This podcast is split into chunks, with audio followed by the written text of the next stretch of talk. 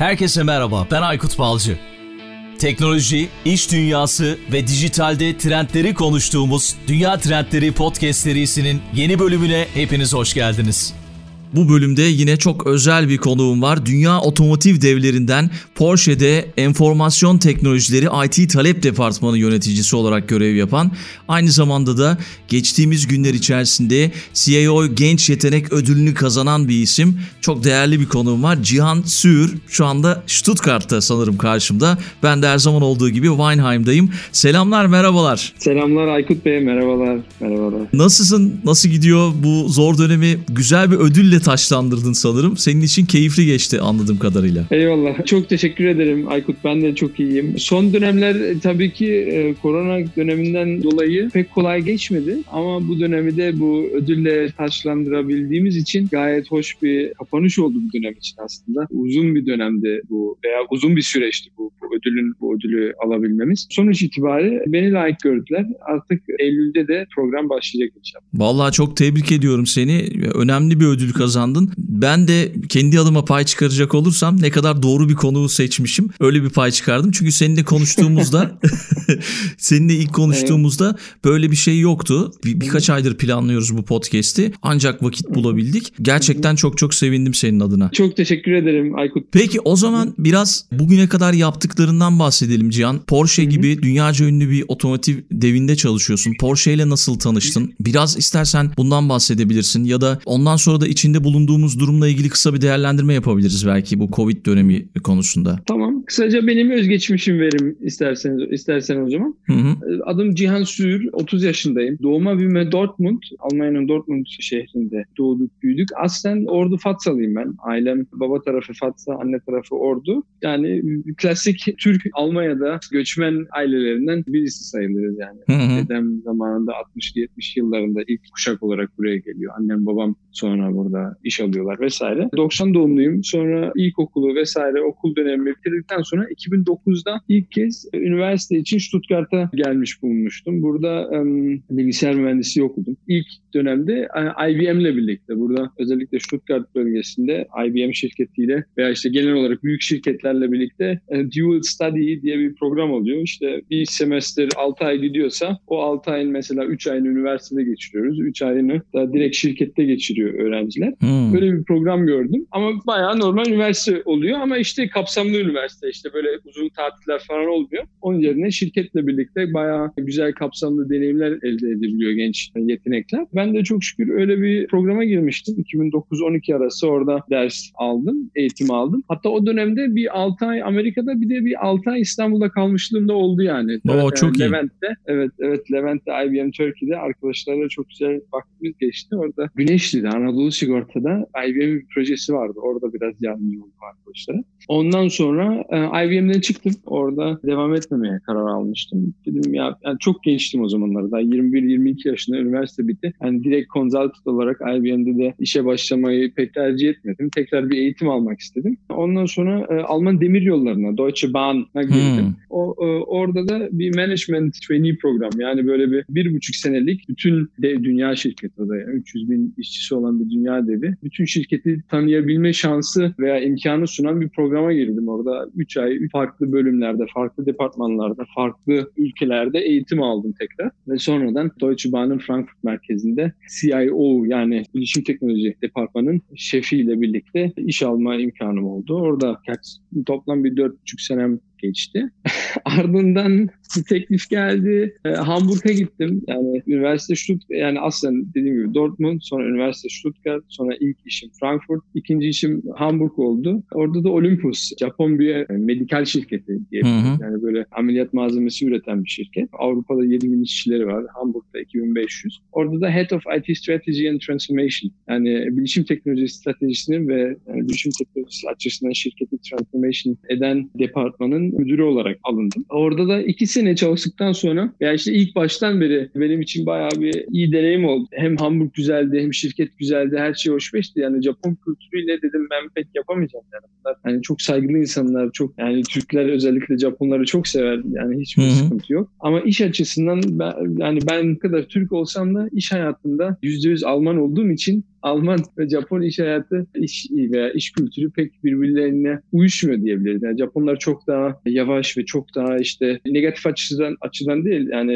Japonlar mesela buna nemawashi derler. Nemawashi de yani bir ağacı kökünün her dalını teker teker topraktan çıkarıp ağacı öyle kökten çıkarma demek. Hmm. Japonlar için bu ne demek oluyor? Japonlar için bir konuyu mesela birisiyle bir konunun kararını almadan evvel o konuyu alakadar eden e, edecek herkesle konuşuyorlar. istişare ediyorlar. Herkesten böyle onay alıyorlar. Bu konu hiç o konunun tartışılacak hiçbir yeni yönü kalmıyor. Yani %99 yani final bir pozisyonda o konuyu böyle işte e, kapsamlı bir şekilde sonra sunuyorlar ve her şey olup bitiyor yani. Bu tabii ki şirket içerisinde özellikle bazı gelişimleri çok daha yavaşlattırıyor. Japonlara göre yavaş olsa bile ama %100 herkesin böyle desteği e, olacağı bir duruma getirdiği için yavaş olmasını göze alıyorlar yani veya onu da ona da tamam diyorlar. Hmm. Yani Avrupa'yı veya Alman bir bakış açısından çok yavaş geliyor. Hadi başlayalım da ondan sonra yolda yine kervan düzülür açı e, anlayışıyla burada yürüyoruz. O yüzden hani dedim tamam burada bir, bir iki sene kalırım ama ondan sonra da çıkarım diye kendi kendime ilk baştan karar, karar vermiştim. 20 26 27 yaşlarındaydım o zamanlar. Ve sonra da kendime şu soruyu sordum. Almanya'da bir şirkette çalışma imkanım olsa kendim böyle free şekilde bunu seçebilsem hangi şirket olurdu diye soru sordum kendime. Sonra dedim yani Porsche güzel olur herhalde. Yani hem otomotiv sektörü bayağı bir çalkantıda hem de işte bilişim teknolojisi orada bayağı bir değişim içerisinde. Değişim, de, değişim içerisinde evet. E, hem de Porsche'de şirket olarak tabii ki bayağı atraktif bir şirket. Yani bir, bir çekici. Sonunda tamam dedim oraya bir başvurumu yolladım. Kaş göz arası da bayağı hızlı da gelişti. Bana bir teklifte bulundular. Bir teknoloji portfolyo and demand management departmanında görev almak için. Ve o gün bugün yani 2018'in sonundan itibaren beri Porsche'deyim ve burada elimden geldiği kadarıyla destek çıkmaya çalışıyorum arkadaşlar. Vallahi harika. Geçtiğimiz günlerde şöyle bir seni araştırırken denk geldim bir blogda. Stuttgart'ta ilk 100 günümü yani Porsche'de geçirdiğim 100 günümü anlatıyorum şeklinde bir e, yazı yazmışsın. Bununla ilgili 5 içgörü paylaşmışsın veya 5 motto. Yani Stuttgart'ta Porsche'de ilk 100 gününü nasıl geçirdin? Belki bunu anlatmak istersin. Şimdi aklıma, aklıma gelen ilk konu şu. Mesela ben ilk e, günlerde e, malum Porsche'ye yeni girmişim. Çok yani acayip bir şirket. Yani fabrikanın yani ofislerde direkt fabrikayla dip dibe olduğu için Hı-hı. yani fabrikadan çıkan araçları görüyorsun. işte sarı, mavi, kırmızı, lacivert, acayip acayip araçlar hayatımda görmediğim şeyler, kamuflajlar vesaire böyle çok olağanüstü bir hislerle e, hep şirkete girdiğim için ben böyle motivasyonum tabii ki dorukta her türlü zıplaya zıplaya gidiyordum neredeyse tırnak içerisinde işte. Hı hı. Yani orada da, orada da bir, bir iş arkadaşım veya işte koçum diyebiliriz yani 25 senelik Porsche elemanı. O da beni bir kenara çekti. Dedi ki ya Cihan hani hoş beş de falan ama bak sana şöyle söyleyeyim dedi. Biz sadece Porsche'yiz. Biz sadece Stuttgart'tan gelen ufak bir Alman şirketiyiz yani biz tesadüfen yani tırnak içerisinde tesadüfen iyi araç üretiyor olabiliriz ama öyle anlı şanlı bir şey de değiliz yani. Biz sadece Porsche'yiz. tamam mı? Yani bu beni o kadar o kadar kendisini ve işte şirketimizi ve işte çalışma kültürümüzü o kadar mütevazi, o kadar down to earth, mütevazi diyelim yani öyle hı hı. şekilde görmesi beni çok olağanüstü etkilemişti yani. Dedim vay be adama bak yani biz başka birisi olsa veya başka bir yerde olsa Porsche'de çalışmanın gururundan insan patlar gider böyle. Ama adam yok yani ben biz sadece yani işimizi yapalım, iyi yapalım işimizi. İşimizin ehli olalım. Hı hı. Alçak ee, gönüllü olalım.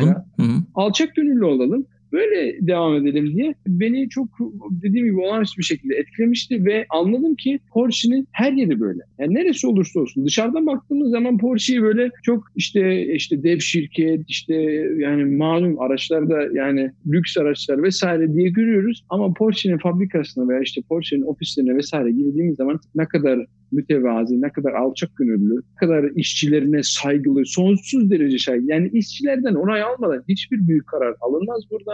Yani işçilerin burada olan değeri sonsuzdur. Hiçbir yerde böyle bir şey ben hayatımda görmedim ve bunun ne kadar güzel bir çalışma kültürü, çalışma anlamı ve işte şirket ailesi mefhumunun ne kadar farklı bir şey olduğunu burada anladım ve hı hı. ilk 100 günümün özeti de e, bu olsa gerek diye. Hı hı. Harika. Bazen şirketlerin yazılı kuralları vardır. Bir de yazılı olmayan kuralları vardır. Sanırım o arkadaşınız size yazılı olmayan kuralı böyle güzel bir evet, şekilde evet. anlatmış size.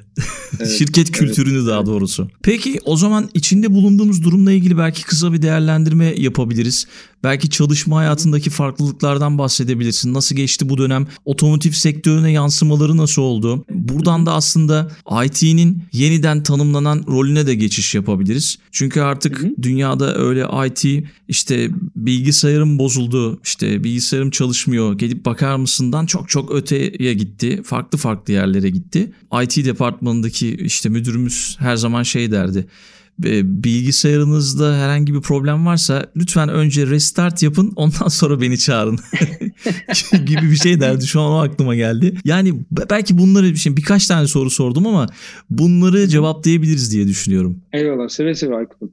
Seve seve. Şimdi şöyle genel olarak e, Porsche'nin bir şeyini verim istersen. Porsche hakkında birkaç bilgi alalım. Ondan Hı-hı. sonra Porsche'nin IT'sinden konuya girelim istersen. Olur. Ee, şimdi Porsche 70-75 senelik bir şirket. Dünya çapında 250 araç, 250 bin araç satılıyor senede. Hı-hı. Bu araçlar Stuttgart ve Leipzig'te üretiliyor. Ee, Almanya'nın bir doğu kenti Leipzig. Orada işte Cayenne, Macan, Panamera araçları üretiliyor ve Stuttgart'ta da e, Taycan ve, ve 911 e, araçları üretiliyor. Ve biz de IT departmanı olarak yani bu araçların işte geliştirmesinden, işte üretilmesinden ve pazarlanmasından vesaire sorumlu olan bütün sistemleri IT departmanı olarak biz bunları biz bunların e, sağlam çalışmalarını ve işte ileriye taşıyacak çözümler geliştirilmesi vesaireden sorumlu tutuyoruz kendimizi ve şimdi işte korona öncesi dönemine kadar Porsche içerisinde home office yani evden çalışma imkanları vardı tabii ki ama yani açıkçası pek de yaygın değildi yani. Şimdi hı hı. Porsche'nin şu an mevcut olan 36 bin işçi sayısından yani belki 2 belki 3 bin kişi e,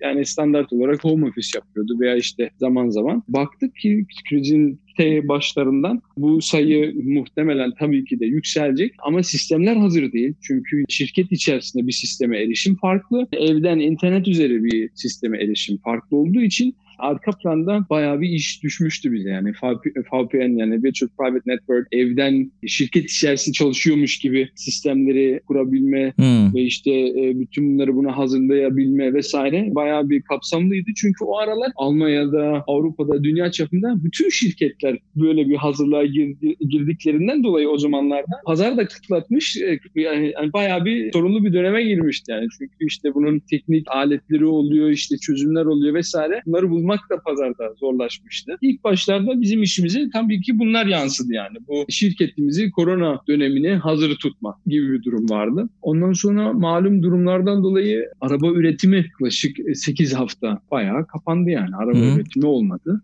Şimdi bizim yönetim kurulundan, üretimden sorumlu olan Albert Heimholt e, şey demişti bir e, açıklamada. E, hani Porsche ortalama günde Leipzig'te 500 araç, Stuttgart'ta da 250 araç çıkarıyor demişti. Yani şimdi araç başı 100-150 bin euro vesaire ortalama veya işte 200 bin hangi araçlardan bahsedersek ortalama fiyatından e, yol çıkarsak yani bunun zararı ve bunun etkisi e, tabii ki hemen hemen bayağı ortaya çıkıyor. 8 yani hafta için e, epey bir para çıkıyor. Epey bir tabii ki, zarar tabii çıkıyor. Ki, tabii ki yük, yüksek bir meblağ. Biz de bunları işte ama bu 8 haftanın boş geçmemesi için ve işte hadi kapattık ve sonra açtık devam ediyoruz vesaire sadece olmaması için bu 8 hafta içerisinde özellikle fabrika içerisinde ve işte normal koşullar altı yapılamayan projeleri o 8 haftaya sıkıştırdık ve bayağı bir yani kendi araç üretimimizi çok daha ileriye taşıyacak yani çözümler uygulayabilmemiz için yani bu dönemi güzel şekilde değerlendirdik diye düşünüyorum. Yani böyle bir gelişim oldu. Ya hepimiz için belki bir rehabilitasyon gibi oldu bu dönem. Ertelediğimiz, yapmak istediğimiz şeyleri yaptık. E, ailemize daha çok vakit ayırdık. İşte şirketlerde de farklı farklı oluşumlar oldu. Senin de söylediğin gibi dijitalleşme hız kazandı anladığım kadarıyla Covid-19'la birlikte. Ama tabii evet. sizin olayınız şey değil herhalde sadece. E, işte şirket toplantılarının yapıldığı, konferans programlarının işte paylaşıldığı bir işten çok daha fazlası IT departmanları çok daha fazla yoruldu bu süreçte anladığım kadarıyla. Evet evet evet. Biz aslında yani genelde IT pek ön plana çıkmıyor ve ön planda gözükmüyor da yani. Şimdi bir Porsche satın alan müşteri veya işte Porsche'yi dışarıda gören veya reklamda gören bir şahıs bu araçta IT payı e, nedir diye hem kendisine sormaz hem yani araca bakarken de ilk planda görmeyebilir yani. Ama IT olmazsa bu araç da olmaz da aslında yani. O da bir gerçek. Onun da yani her türlü e, gerçeğini de e, her günde görüyoruz yani işte dediğim gibi fabrikalarda olsun, araç geliştirmede olsun, aracı satışa sunmakta olsun. Bizim özellikle son dönemlerde daha fazla da geliştirdiğimiz yeni teknoloji mesela yapay zeka diyoruz yani artificial intelligence. Yani, e, bunun gibi bunun gibi meseleler bizim çok daha ileriye yani kendi araçlarımızı teknik açısından teknik açıdan çok daha ileriye taşıyabilmemizi sağlayan yöntemler bunlar yani. Bu da sonuç itibariyle bizim de tabii ki yani bizim için büyük sorumluluk oluyor ama büyük de keyif alıyoruz. Yani. Hı hı. Peki buradan belki şeye girebiliriz. Porsche'nin dijital Hı. stratejilerine girebiliriz. Şimdi Hı. 21. yüzyılda hareketlilik sadece A'dan B'ye ulaşmaktan çok fazlası demek. İşte Hı. mobilite bugünlerde bir yaşam tarzı, dijital bir yaşam tarzı ve az önce de söylediğim gibi bu Covid-19'la birlikte tüm dünyada dijitalleşme hız kazanmış durumda. Porsche'nin dijital stratejisini biraz anlatabilir misin bize? Odağında neler var? Az önce söylediğin yapay zeka dedin. Mesela blockchain'i çok fazla duyuyoruz. Nesnelerin internetini, otonom sürüş işte vesaire yani bununla ilgili neler konuşabiliriz? Porsche'nin dijital stratejisi Covid öncesi de tabii ki vardı ama Covid ile birlikte bu stratejiyi çok daha fazla bu stratejiyi çok daha fazla e, şirketin de merkezine oturtabildik yani açıkçası. Dijital stratejimizin stratejimizin e, adı Mission D e, yani Mission Digital diye bir strateji kurduk bundan yaklaşık bir buçuk sene evvel. E, burada da aslında çünkü dijitalleşme dediğimiz zaman yani özellikle şirket açısından farklı boyutlar olduğunu görüyoruz. Yani bize göre üç boyutu var bu işin. Birinci boyut Products and Services. Araçlarda ve aracın etrafında olan müşterinin birebir e, satın aldığı veya işte birebir kullandığı hem araç hem servisler oluyor. Bununla birlikte şey olabilir mesela hem aracı satın alıyoruz hem de ama iPhone'umuzda işte My Porsche aplikasyonuna bakıp işte aracın bilgilerini alabiliyoruz veya aracı açıp kapatabiliyoruz veya aracın işte ne bileyim mesela serviste bir randevu gerek oluyor. Onu da direkt aplikasyon üzeri yapabiliyoruz vesaire vesaire bunun gibi yani aracın merkezinde ve aracın etrafında olan servisler oluyor. Bu bir. O aplikasyonu indirmeye çalıştım ben indiremedim. O sadece Porsche Club'a özel mi? Yani Porsche severlere özel bir aplikasyon mu? Yok Porsche severler, Porsche sürücülere özel. Ha sürücülere özel yani. Porsche sevenler diye tanımladım ben onları. Öyle yani Porsche hani, fanları diye. Ben de seviyorum. Hani herkes yani Porsche'yi bence Porsche'yi sevenler Porsche'yi sürenlerden çok daha fazla olduğu için. Aynen. Ya şöyle bir şöyle bir anımı anlatayım. Ben işte 2005 yılında Power FM'de yayına başladığımda hayatımda o zamana kadar hiç böyle yakından bir Porsche görmemiştim. İşte bizim patronumuz Cem Akko o böyle 90'lı yıllarda almış sanırım 911 modeli böyle gözü gibi bakıyor ona. Tertemiz. Hı, İlk o defa o zaman yakından görmüştüm böyle. Sonraki yıllarda da yaklaşık 10 yıl çalıştım orada. Her gün görme şansım oldu.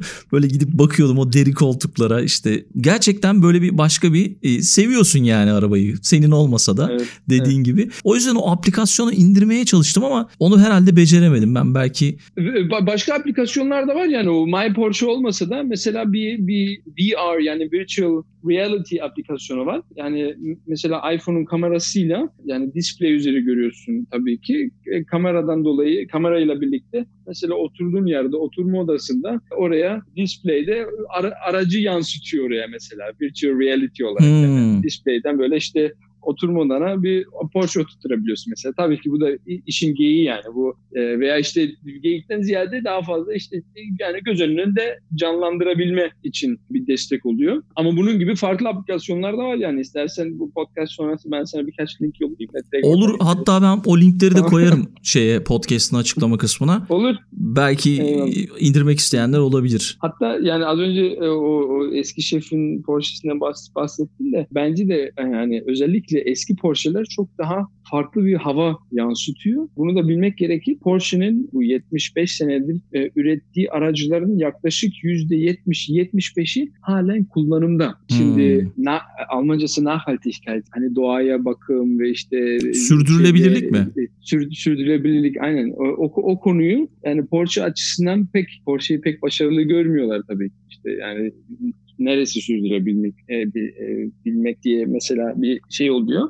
E, e, yanıtlar oluyor. Ama asıl uzun vadeli, asıl işte sürdürülür şirket yani o, bu sayıya bakarsak Porsche olmuş oluyor yani.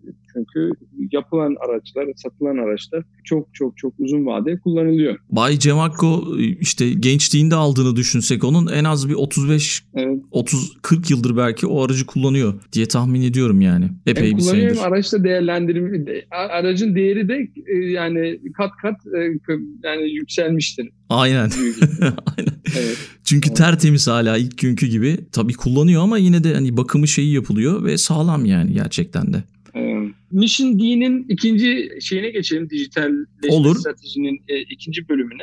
O da customer and and and sales yani bir müşterinin yani internet üzeri veya işte farklı yöntemlerle e, bir Porsche'yi satın alabilme imkanını sağlama sağlayabilme kapasitesi oluyor. Hani şöyle söyleyeyim. Kişiselleştiriyor ee, muyuz yani burada? Kendi mi tasarlıyor müşteri? E, o zaten o zaten öyle. Yani zaten kendi tasarlıyor ama daha düne kadar mesela internet üzeri Porsche satın alınmıyordu yani. Tırnak içerisinde düne kadar. 2019'un sonunda biz Almanya'da bunu başlattık. Yani internet üzeri e, insan istediği gibi müşteri icabında Porsche'yi satın alıyor ve sonradan işte bayağı eve geliyor yani. Yani nasıl böyle ee, giriyoruz normal e, marketten işte alışveriş yapar gibi. Yapar gibi Porsche. Seçiyoruz o kredi imkanı, kartı. Evet. Kredi kartı olmaz evet. herhalde o kadar yüklü ya da banka herhalde, hesabıyla. Herhalde evet. Aynen. Yani Alıyoruz bu. Evet bu daha öncesi bundan bundan birkaç sene öncesine kadar yani bizim için de bayağı bir e, bir gelişmeydi yani. Çünkü yani yani bir Porsche'yi internetten satın alma gibi ya öyle bir şey ol, öyle bir şey olur mu falan söylemler oluyordu tabii ki. Malum yani hem çok değerli hem de çok duygusal bir yani bir araç olduğu için veya bir bir bir, bir dönem e, ve işte yani insanların hayalleri oluyor bu yani bu hayali gerçekleştirebilme vesaire internet üzere olur mu e, gibi sorular oluyordu tabii ki. Yani ilk baştan buna yine soru işaretleriyle bu projeyi başlatmıştık. Ama sonuç itibariyle özellikle şimdi koronaya tekrar geleceğiz. Özellikle korona döneminde servisler gitgide e, kapandıktan sonra buradan satışlar tabii ki yüksek bir e, oranda arttı. Yani insanlar bayağı internet üzeri Porsche'yi satın aldı yani. E, o da oluyor. Yani çoğu tabii ki olmasa da veya işte yüksek bir oran olmasa da yine e, bizim için yani bu projeyi gerçekleştirmemiz değecek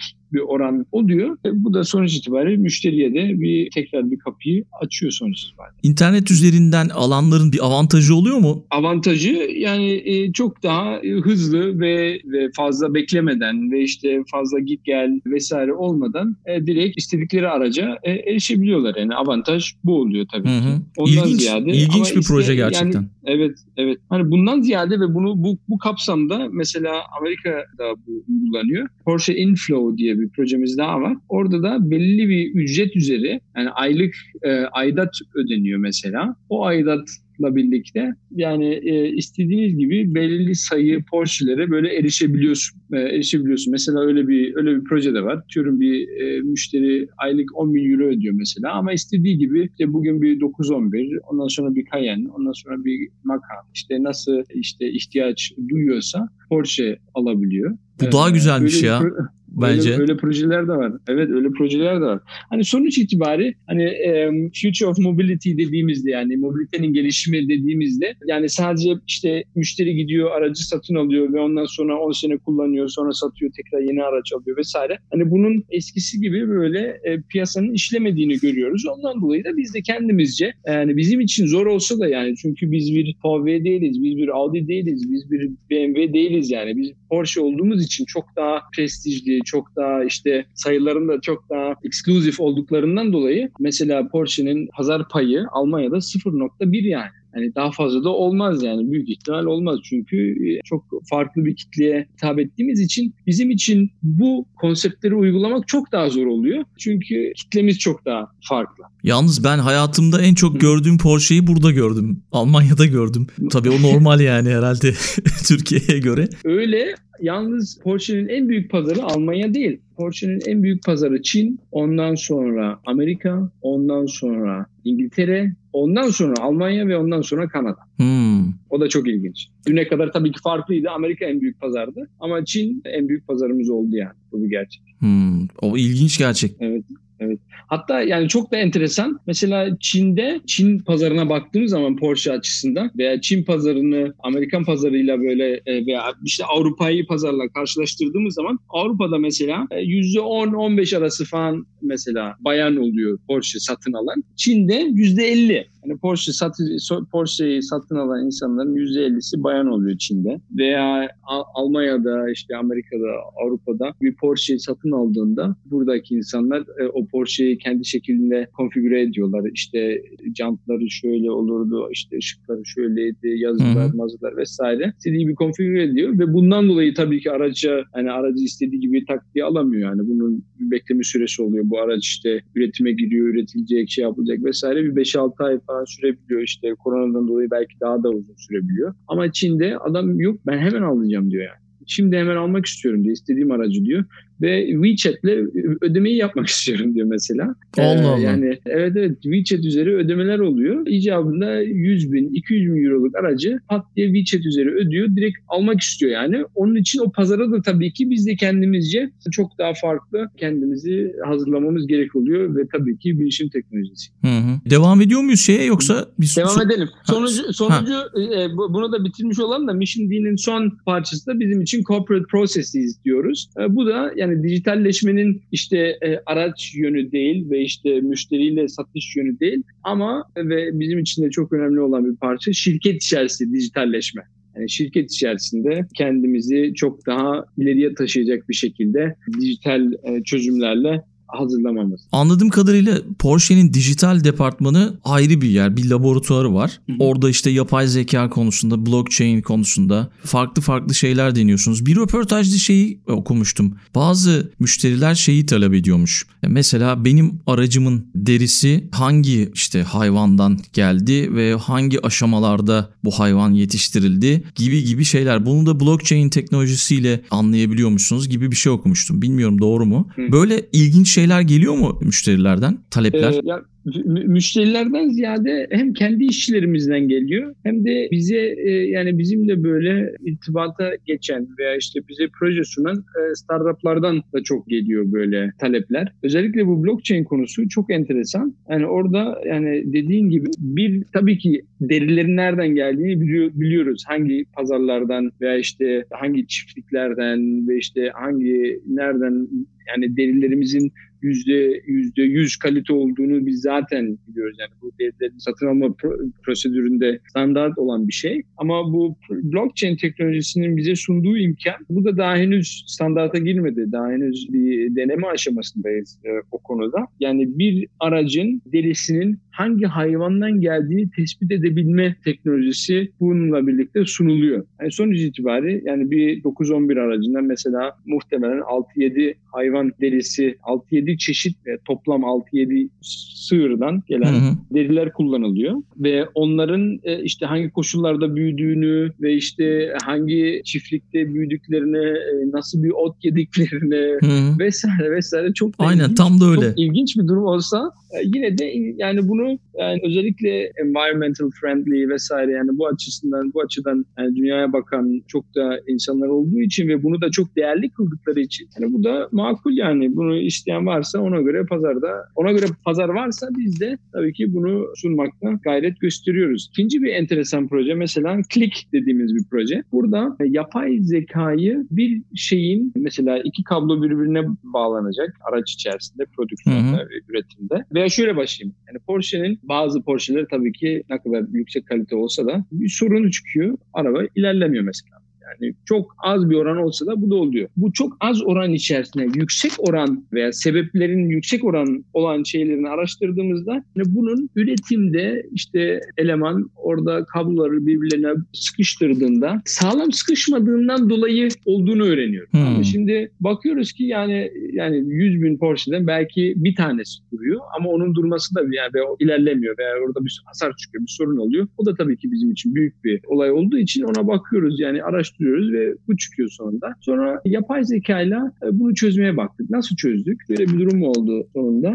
Üretimde böyle kritik noktalarda mikrofonlarımız oluyor. O mikrofonlar da bir kablonun veya işte iki parçanın birbirine takıldığında onun yapacağı sesini kontrol ediyor bu mikrofon. Hmm, sesi Yani kontrol mikrofon- ediyor. mikro- sesi kontrol ediyor. Mikrofon hı. anlıyor ki ya bu bu sağlam şekilde klik yapmadı yani. Bu tık etmedi. Yani bunun bunun tıkı bana zayıf geldi veya işte Hmm. bunun tıkı herhalde sağlam olmadı diye bir uyarı çıkarıyor. Ha, o uy- uyarı yanlış olabilir. Yani yüzde yüz de öyle şey yapacak diye yok. Ama yüzde Sağlama yapmış da oluyor. Sağlama yapmış, Hı. sağlamlaştırma yapmış oluyor. Hı. Ve e, ve asıl mesele de yapay zekaya bunun tıkının doğruluk oranını öğretmek oluyor. O da bizim işimiz sonuçta. Peki şey Cihan e, orada o hı. yani vidayı sıkma işlemini insan emeği mi yapıyor, şey mi yapıyor? Robot mu yapıyor? Bizim için hep insan ve robot. Yani e, robot insan için çalışacak ve insan da her zaman için fabrikada her zaman için yani özellikle Porsche araçlarında araçlarına insan eli dokunacak. Genelde insanlar yapıyor ama tabii ki robot eşliğinde veya işte robot desteğiyle. Hı hı, anladım. Peki şey şu otonom sürüşlerle ilgili yaptığım araştırmalarda hep böyle e, şöyle eleştiriler okudum. İşte Porsche spor bir araç. Yani otonom sürüş olmaz hani yani Porsche insanlar zevk için kullanıyor bu aracı. Evet, evet, keyifle evet. kullanıyor. Otonom araç bu Porsche için olmaz gibi bir eleştiriler okudum. Bilmiyorum sen katılıyor musun da veya bununla ilgili otonom sürüşle ilgili çalışmalar var mı acaba Porsche'de? Otonom sürüş tabii ki yani bütün piyasa için nasıl önemliyse bizim için de bir olay, e, bir mesele. Ama yani dediğin gibi de sonuç itibariyle yani bizim şuna inanıyoruz yani insanlar Porsche satın alıyorsa bunu da Porsche'yi kullanmak için satın alıyor. Bir kişi yani 911 gibi aracı satın alıyorsa onunla işte herhangi bir araç gibi otonom şekilde A'dan B'ye gitmek için almıyordur diye düşünüyoruz. Yine de bu da çok önemli bir tespit. İşte e, yoğun trafik olabilir, işte şehir içerisinde trafik olabilir veya işte otobanda bir, bir ne bileyim trafik olabilir vesaire vesaire. Hani böyle sıkıcı durumlarda yine de ne, ne, ne kadar Porsche olsa da ne kadar işte duygusal bir, bir mesele olsa da Porsche kullanma, e, highly emotional dediğimiz e, yine de orada az olsun otonom sürüş veya işte otonom kullanabilme e, imkanları fena olmaz diyoruz yani. Bu da sonuç itibariyle bizim de e, gelişme Porsche InnoDrive mesela bugünden beri zaten yani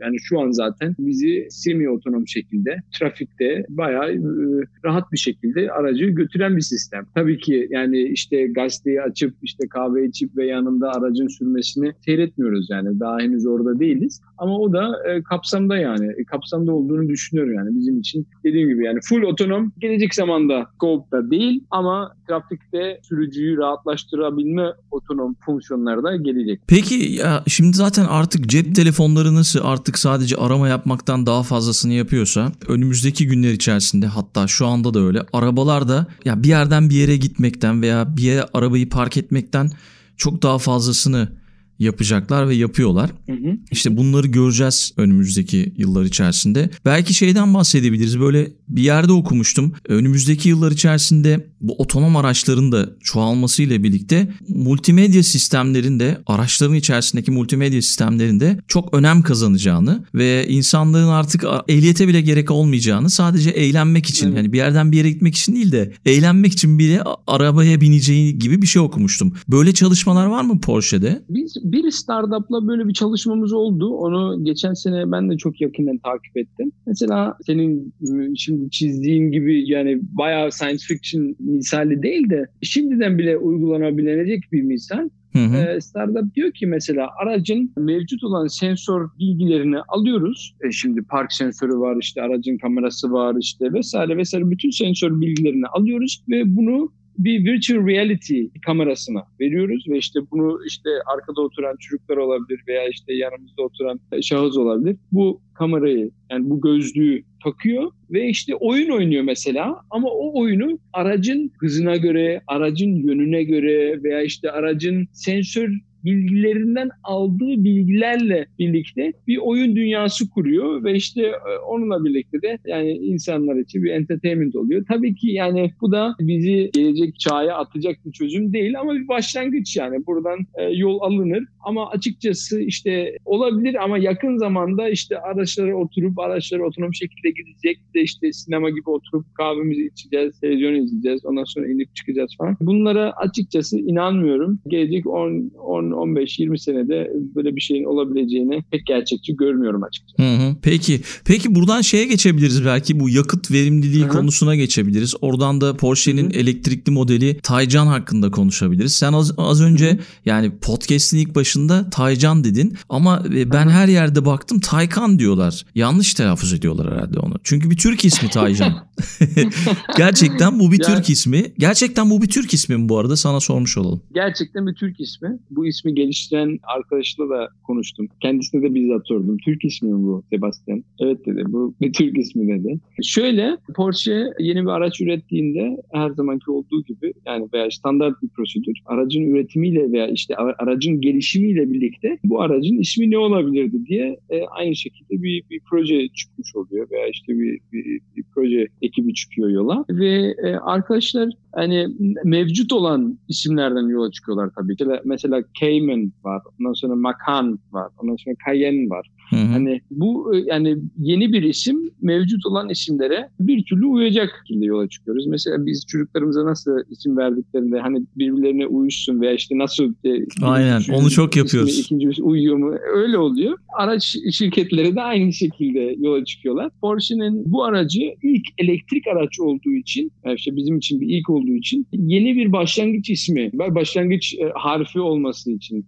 harfi olması mevcut oldu ve işte e, kendimize mecbur kıldık. T oldu ve buradan yola çıkarak Porsche'nin amblemine baktığımız zaman orada zaten bir deli bir tay var amblemin üstünde yani. Hı hı. Tay orada çıkıyor, kalkıyor amblemde ve e, elektrik araçlarının çok canlı, işte çok at, atacan ve işte çok yani bir elektrik aracın hızlandırma bilgilerine baktığımız zaman çok daha farklı olduğu için yani canlı olduğunu görüyoruz. E, yani buradan yola çıkarak tabii ki bu çok daha çok daha kısa versiyon oluyor. Ama sonuç itibariyle Tay ve Can'a geliyorlar. Sonunda ama yani Can yani bizim kullandığımız gibi telaffuz etmiyorlar Can'ı. Makan yani Makan'da mesela Porsche'nin ufak e, cipi orada da Macan demiyorlar mesela.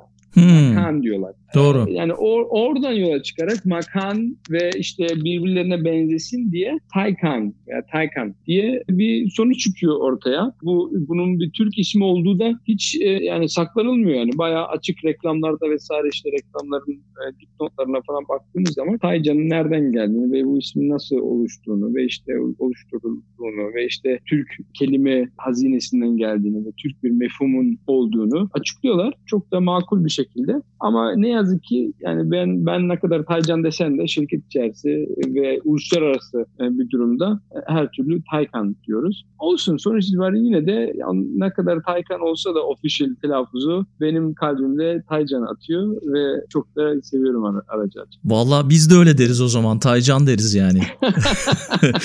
e peki bence güzel ya. Biz sevindik. Hatta sen de orada olduğun için sevindik. Bir Türk adı e, olan bir Porsche olması da bizi gururlandırdı açıkçası. Evet, Sevindiğimiz bir durum oldu. Peki yavaş yavaş hı hı. sona geliyoruz ama işte belki biraz şeyden bahsedebiliriz. Dijitalleşmede yaşamaya değer sürdürülebilir bir gelecek için ne gibi fırsatlar görüyorsun veya ne gibi riskler görüyorsun? Yani otomotiv sektörü ee, için tabii yani. Yani şimdi otomotiv sektöründe Türkiye'de de görüyoruz. TOK, Türkiye Otomobil Girişim Grubu, bilhassa Mehmet Gürcan Karakaş orada şu an çok muazzam gelişmelerde bulunuyorlar.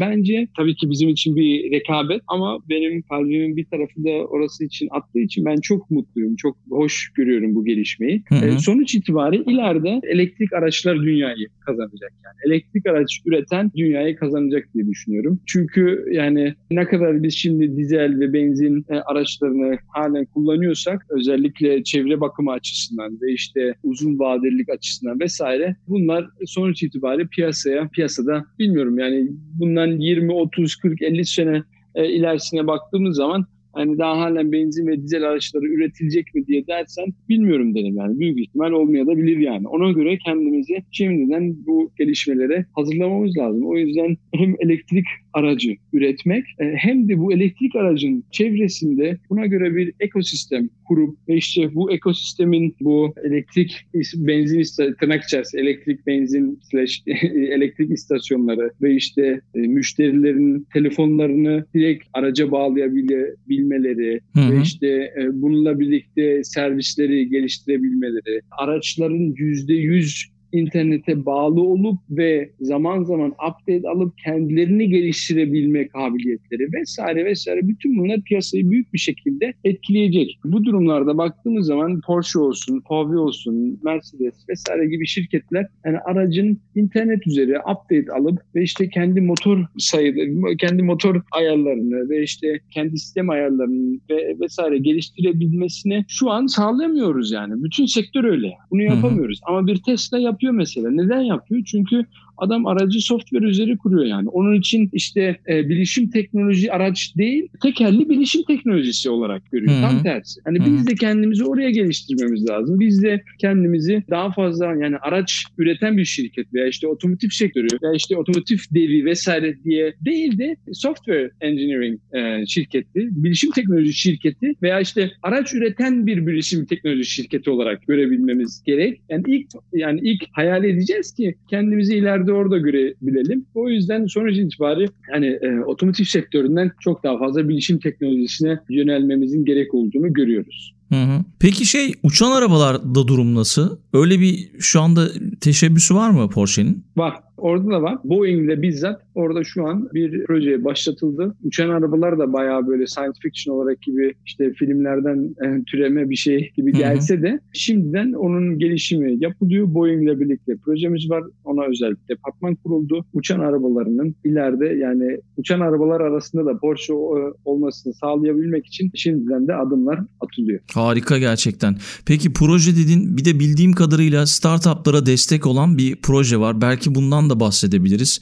Belki bizi Türkiye'den dinleyenler, dinleyen girişimler için de bir yol gösterici olabilir. Yani onlar da katılabiliyorlar mı bilmiyorum. Onun konusunda da o konuda da belki bilgilen, bilgilendirebilirsin bizi. Hı hı, hı hı. Orada mesela Türkiye'den startuplar için e, farklı imkanlar var. Mesela Startup Autobahn diye bir e, projemiz var. Onu da burada Stuttgart'ta Daimler'le birlikte yapıyoruz. Yani bu da bizim için çok e, Aa, büyük çok bir iyi. Yani evet çok enteresan yani. iki otomotiv se- e, devi birlikte ge- e, yani burada el ele verip İnanılmazmış e, gerçekten. Bir proje başlatıyorlar. Evet evet. Orada da mesela startuplar oraya başvuru yapıyorlar işte oraya katılabilmek için ve sonunda şirketler işte Daimler ve Porsche ziyade farklı şirketler de oraya katılıyor. Ama kurucuları Daimler ve Porsche. Şirketler startuplara başvuru yapıyor. Ee, işte sizinle birlikte çalışmak istiyoruz. Sizin fikriniz bizim çok hoşumuza gitti. Hı. Ve işte sizinle birlikte e, bir proje yapmak istiyoruz veya bir e, ilk bir iş çıkarmak istiyoruz vesaire diye şirketler startuplara başvuruda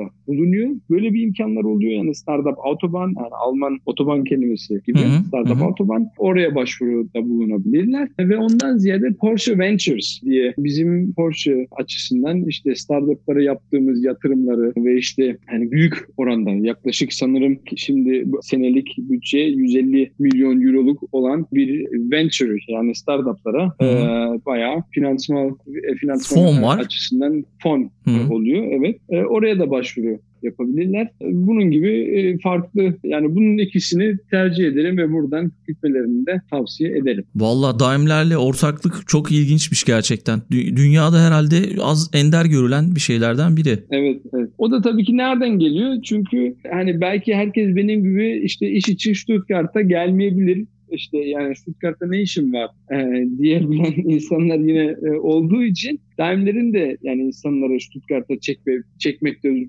zorluk çektiği ve işte e, Porsche ve işte farklı farklı e, daha büyük devlerin de burada aynı sorunları yaşadıkları için yani Stuttgart için nasıl bir destekte bulunabiliriz? Yani insanların özellikle bilgisayar mühendislerinin Stuttgart'a gelebilmelerini nasıl sağlayabiliriz? Startupların burada nasıl kendilerine işte Hmm. Paris'te değil, Berlin'de değil, e, işte Tel Aviv'de değil de yani Stuttgart'a gelebilmelerini nasıl sağlayabiliriz diye bu soruyla yola çıktılar. Sonuç itibariyle böyle bir proje çıktı. Gayet de güzel oldu. Bu arada bu Covid öncesi buluşmalar gerçekleşiyordu sanırım. Bu her ayın ilk pazartesi günü müydü? Her hafta mıydı? Nasıl yapıyordunuz o buluşmaları? O, o da o da yine farklı bir proje. O yani bizzat ben sorumluyum. o senin projendi AI pardon. Evet, evet.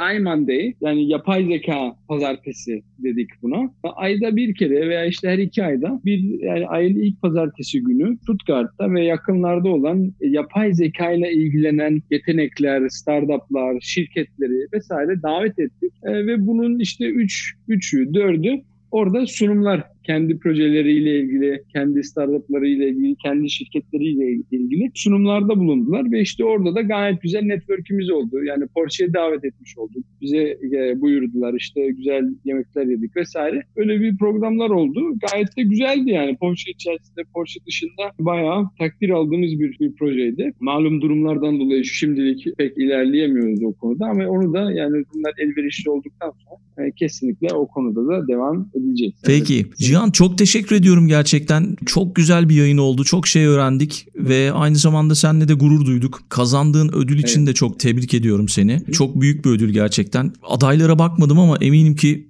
çok değerli adayları eleyip o ödülü almışsındır. O bursu almışsındır daha doğrusu. Ve başarıların devamını diliyoruz. Kapatmadan bir de kitap önerisi alabilir miyiz senden? Çok çok teşekkür ederim Aykut. Ee, Benim için de çok keyifli oldu. Hani açıkçası ilk Türkçe röportajım oldu yani bu otomotiv sektörü açısından. Yani farklı Türkçe söyleyişlerim vesaire de olmuş. Özellikle teknoloji açısından ve işte e, e, otomotiv sektörü açısından bir ilk oldu. Umarım dinleyenler de e, memnun kalmıştır. Yani malum yani Almanya'da doğduğumuz, büyüdüğümüz için bazı Türkçe kelimeler vesaire eksik kalıyor. Ben hayatımda Türkçe dersi görmedim. Bu öğrendiklerim annem babamdan öğrendiklerim. Ama yine de beni anladıklarını düşünüyorum. Ve hiç kimse bir bir problem yaşamayacaktır. Gayet de güzel doyurucu bilgiler verdin bize. Çok çok teşekkür ediyoruz sana. Ben de çok teşekkür ederim Aykut. Sonuç itibariyle veya işte son olarak 3 kitap önerisi demiştik. Hı hı. Ee, şu an kitaplığımın önünde duruyorum. Hangi kitaplar acaba diye düşündüm.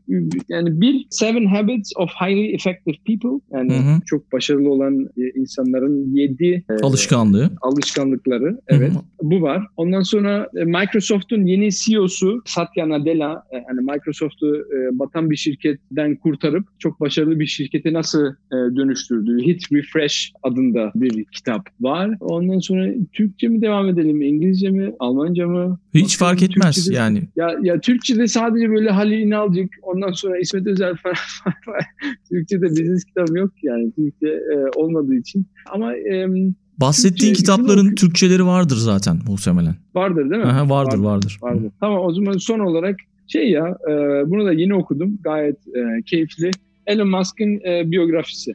Hı, Bunu tamam. okumak gerek. Elon Musk e, yani dünyanın en çılgın insanlardan birisi olsa da adam yani çılgınlığını çok muazzam bir şekilde dünyayı değiştirmeye çevirebildiği için hani PayPal'ı kurdu, eBay'i kurdu, SpaceX, Tesla vesaire. Hani çok çok muazzam bir kitap. Bundan da çok da keyif aldım. Peki iletişim bilgilerini podcast'in açıklama kısmına yazıyorum. Oradan belki Hı hı. sana ulaşmak isteyenler olabilir. Çok çok Hı hı. teşekkür ediyorum tekrar katıldığın için. Stuttgart'a selamlar. Umarım bir ara birlikte bir şeyler yaparız, buluşuruz bu virüs dönemi geçtikten sonra. İnşallah. Ben de çok teşekkür ediyorum. Aykut e, Weinheim'a bol selamlar. Dinleyicilere de çok teşekkür ediyorum. Dinledikleri için kalın sağlıcakla.